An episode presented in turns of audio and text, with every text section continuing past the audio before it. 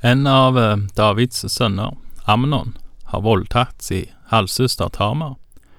Tamars heilbror Absalon hevner dette et par år seinere med å få Amnon drept.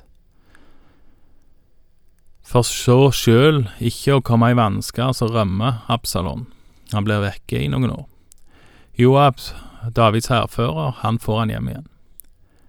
Vi leser om det ifra andre Samuels bok, kapittel 14, vers 1. Men Joab, Serujas sønn, skjønte at kongens hjerte ble dratt mot Absalom.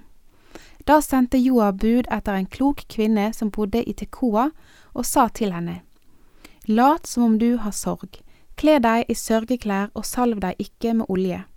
Oppfør deg som en kvinne som allerede i lang tid har sørget over en død. Gå så inn til kongen og tal slik til ham. Og Joab la henne ordene i munnen. Og kvinnen fra Tekoa talte til kongen. Hun kastet seg ned for ham med ansiktet mot jorden og sa, Hjelp, konge. Kongen sa til henne, Hva er vanskelig for deg? Hun svarte, Å, jeg er enke, mannen min er død, og din tjenestepike hadde to sønner. De to kom i trette med hverandre ute på marken, og det var ingen der som kunne skille dem at. Så slo den ene til den andre og drepte ham. Og se, nå har hele slekten reist seg mot din tjenestepike.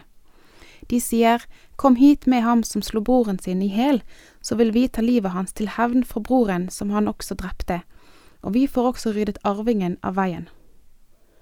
Slik kommer de til å utslukke den siste gnist jeg ennå har igjen, så de ikke lar min mann ha navn og etterkommere på jorden.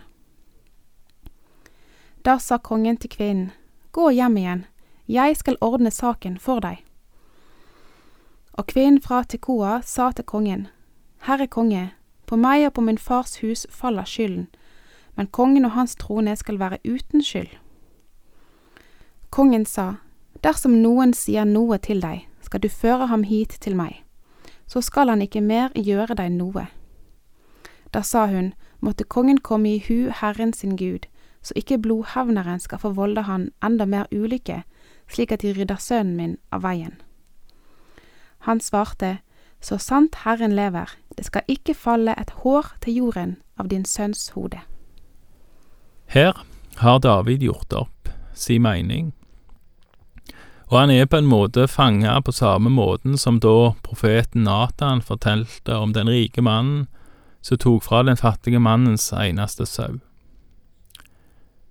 Joab har med hjelp ifra kvinna ifra Tekoa og en sannsynligvis oppkonstruert historie som uh, har en struktur som ligner på historien om Absalon, Tamar og Amnon. Joab har med hjelp av disse tinga nesten lurt David. David, han har avsagt dom. Han har sagt hva som er rett og galt. Og igjen så skal vi se at dette ordet, eller denne dommen, den fanger. Vi leser videre fra vers tolv. Da sa kvinnen, La din tjenestepike fortale enda et ord til min herre konge. Og han sa, Tal. Så sa kvinnen, Hvorfor har du da tenkt på den måten mot Guds folk? Når kongen taler slik, da er han selv skyldig, for kongen lar jo ikke den han har støtt fra seg, få komme tilbake. For alle må vi dø og bli som vann som er utøst på jorden og ikke kan samles opp igjen. Gud tar ikke livet, men tenker ut hva som kan gjøres for at en som er støtt bort, ikke skal være bortstøtt fra ham. Nå er jeg kommet for å tale dette til min Herre Konge. For folket skremte meg, og din tjenestepike tenkte da, jeg vil tale til kongen, kanskje kongen vil gjøre etter sin tjenestepikes ord. Kongen vil nok høre på meg og fri sin tjenestepike fra den mannens hånd som vil utrydde både meg og sønnen min av Guds arv. Og så tenkte din tjenestepike, måtte min Herre Kongens ord bli meg til trøst, for min Herre Kongen er som en Guds engel til å høre på både godt og ondt. Må så Herren din Gud være med deg. Da tok kongen til orde og sa til kvinnen, Skjul ikke for meg det som jeg nå vil spørre deg om. Kvinnen sa, Tal, Herre konge. Da sa kongen, Har ikke Joab sin hånd med i alt dette?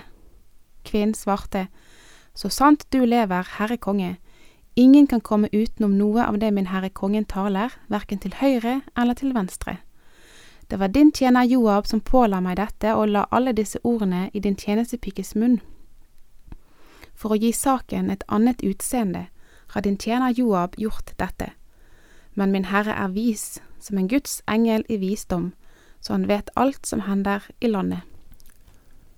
Her tilstår kvinner ifra Tekoa at det er Joab som har sett dette i stand, og at det er han som har lagt alle orda i hennes munn. Det er vel derfor en kan anta at historien er oppkonstruert. Men denne kvinna er vel òg nå i fare for eget liv. Profeten Natan var vel kanskje òg i livsfare når han påpekte at kong David hadde brutt Guds bud med å ta Batseba. Og her er det Joab og denne kvinna fra Tekoa som bruker samme taktikk. Og sjøl om det kanskje har vært gjort med de beste hensikter, så kan en si at David ble ført bak lyset.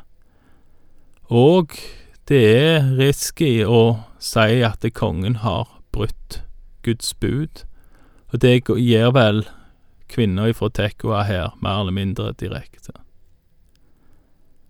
Så det var vel med fare enten for livet eller andre represalier at både Joab og denne kvinna ifra Tekoa gikk inn for å indirekte tale kongen til rette.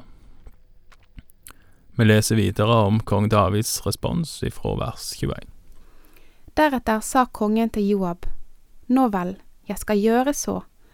Ta nå av sted og før den unge mannen Absalom tilbake. Da kastet Joab seg ned med ansiktet mot jorden og velsignet kongen. Og Joab sa, I dag skjønner din tjener at jeg har funnet nåde for dine øyne, Herre konge, siden kongen vil gjøre etter sin tjeners ord. Så gjorde Joab seg i stand og dro til Geshur og førte Absalom til Jerusalem. David, han gir seg, eller han gir etter, og han ber Joab om å reise og hente Absalon. Joab tolker dette her som et tegn på at han har funnet nåde eller velvilje hos kongen. Han drar til Gesur for å hente Absalon. Det er neppe tilfeldig at Absalon var i Gesur, siden hans mor, Maaka, var datter til kongen i Gesur. Forholdet til Absalon og David var fremdeles ikke bra, og det blir det kanskje heller ikke. Vi leser videre fra vers 24. Men kongen sa, La ham dra hjem til sitt hus, men han skal ikke komme for mine øyne. Så dro Absalom hjem til sitt eget hus og kom ikke for kongens øyne. Men så vakker en mann som Absalom fantes det ikke i hele Israel. Ingen fikk så mange lovord. Fra fotsåle til isse fantes det ikke lyte på ham. Når han klippet håret på hodet sitt, og det gjorde han når det var gått et år fordi håret ble for tungt og han måtte klippe det, så veide han håret, og det veide 200 sekel etter kongens vekt. Absalom fikk tre sønner og én datter som het Tamar. Hun var en vakker kvinne. Absalom bodde i Jerusalem i to år, men kom ikke for kongens øyne. Så sendte Absalom bud til Joab for å få ham til å gå til kongen, men han ville ikke komme til ham. Han sendte bud en gang til, men han ville ikke komme da heller. Da sa han til tjenerne sine, Se, her ved siden av meg har Joab et jordstykke, hvor han har bygg. Gå og sett ild på det. Og Absaloms tjenere satte ild på kornåkeren. Da sto Joab opp og gikk til Absaloms hus, og han sa til ham, Hvorfor har dine tjenere satt ild på kornåkeren min? Absalom svarte Joab, Se, jeg sendte jo bud til deg og ba deg komme. Jeg ville sende deg til kongen og si ham fra meg. Hvorfor er jeg kommet hit fra Geshur?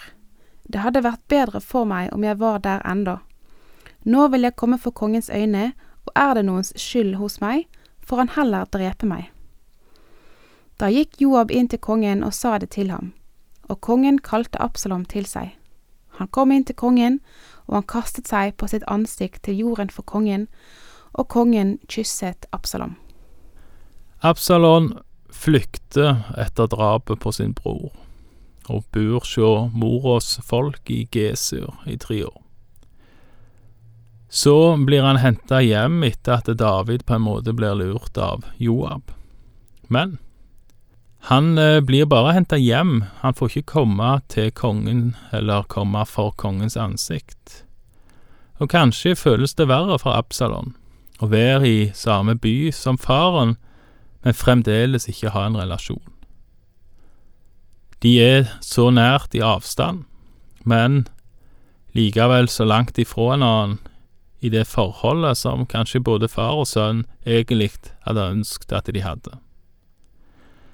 Absalon henvender seg ikke uforståelig til Joab, altså farens hærfører, for det var jo han som henta Absalon i Gesur.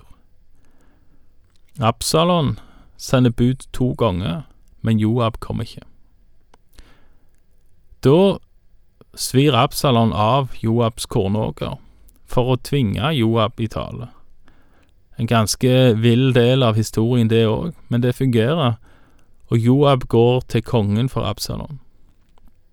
Absalon kommer for kongens ansikt, for sin fars ansikt igjen. Han eh, Altså, Absalon kaster seg til jorda, et tegn på underkastelse. David, han kysser han, et tegn på både kjærlighet og kanskje tilgivelse. For ei kort tid kan forholdet mellom far og sønn, mellom David og Absalon, ser ut til å være bra. Det skal dessverre ikke vare, det får vi komme tilbake igjen til seinere. Takk for i dag, og Herren være med deg.